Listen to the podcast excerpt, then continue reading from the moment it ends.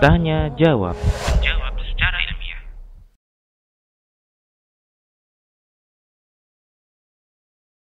Pertama berkaitan dengan uh, bagaimana petunjuk Nabi Shallallahu Alaihi Wasallam menyikapi berita-berita tentang penguasa kita. Pertama tentu kita seorang Muslim itu hendaklah dia memilah memilih berita karena dia terancam nanti termasuk menyebarkan dia di- dimasukkan pembohong ketika dia menyebarkan kebohongan yang sama. Oleh karena itu tidak mudah urusannya.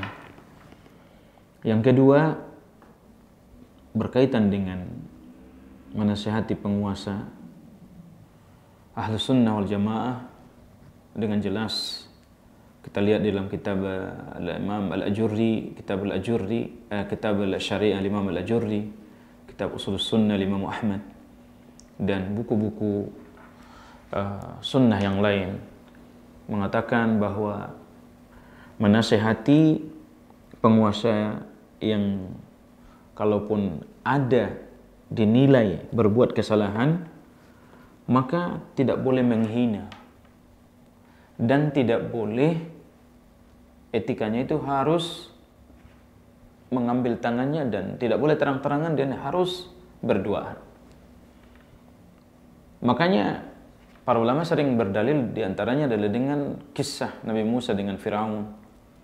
Kata Allah Subhanahu wa taala kepada Firaun, eh, kepada Nabi Musa alaihi salatu wassalam, "Wa qula lahu qawlan layyinan la'allahu yatadhakkaru aw yakhsha." Wahai Musa dan Harun, katakanlah kepada Firaun dengan perkataan yang lemah lembut. Bayangkan itu Firaun. Dan kita penguasa kita tidak lebih jahat dari Firaun dan kita tidak lebih soleh dari Nabi Musa dan Harun alaihi wassalatu wassalam. Allah tetap mengatakan kepadanya qula lahu qawlan layyinan la'allahu yatadhakkaru yakhsha.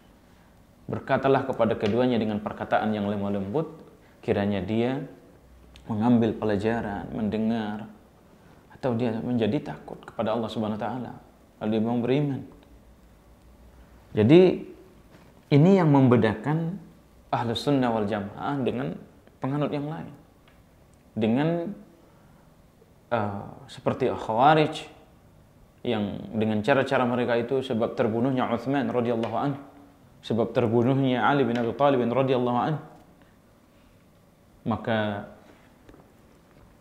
masalah hal ini uh, disebutkan oleh Rasulullah SAW man arada an yansaha li sultanin fala yubdilahu alaniyah barang siapa yang ingin menasehati penguasa dalam suatu perkara maka janganlah ia nasihati secara terang-terangan walakin liya'khudh biyadihi fayakhlu bihi akan tetapi ambillah tangannya dan menyepilah dengannya fa in qabila minhu fadhak kalau dia menerimanya itulah yang diinginkan wa in wa illa kana qad adda alladhi alaihi lah.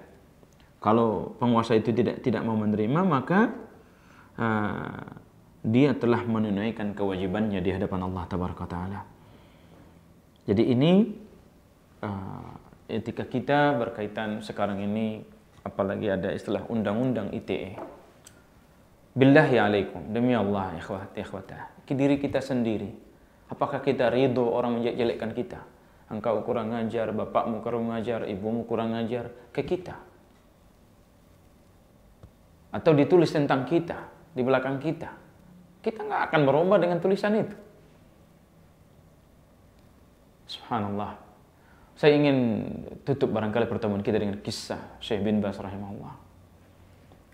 Dulu disebutkan ada seorang ulama ada dinisbatkan kepada ulama fiqh. Banyak manusia mengambil ilmu darinya tentang fiqh. Dan dia melihat halalnya musik. Dikata, diketahui terakhirnya uh, apa namanya dia datang ke majelis Syekh Syekh bin Bas rahimahullah apa yang dilakukan Syekh bin Bas dia kelihatannya sudah gak tahan melihat bagaimana orang ini kok Tapi cara dia subhanallah, dia menasehatinya, dia menangis di hadapan Syekh itu.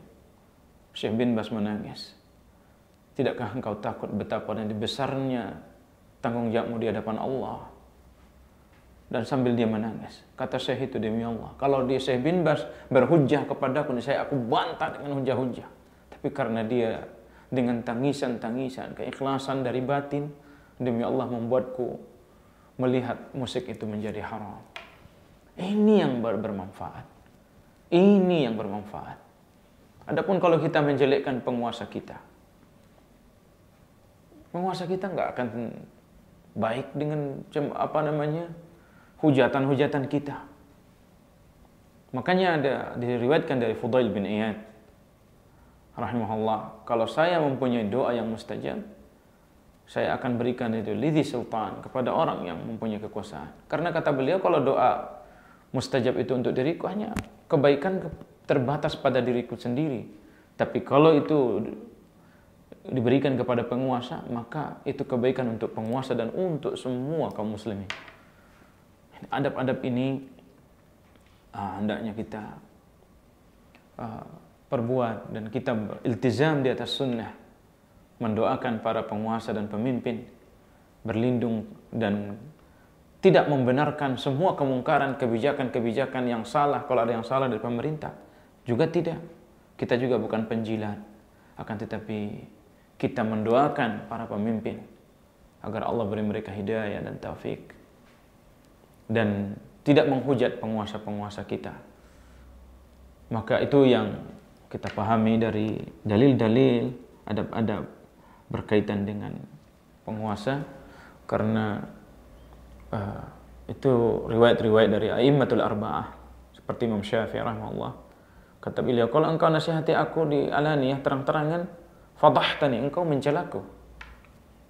Ya, orang-orang nggak nggak nggak siap. Pak RT aja kalau kita sebut-sebut ini dia nggak siap bagaimana kalau dia Pak Camat bagaimana kalau dia bupati, bagaimana kalau dia gubernur, bagaimana kalau dia menteri, bagaimana pula kalau dia presiden. Yang sudah disepakati oleh masyarakat se-Indonesia, dia orang yang terbaik di antara anak bangsa. Mau bilang apa lagi? Maka jadi penguasa itu tidak mudah. Banyak di sana sini dia itu apa namanya sasaran dari semua hal yang dia akan pertanggungjawaban di hadapan Allah yang kita harus doakan kebaikan untuk mereka. Ya, dan barangkali itu akhir karim barakallahu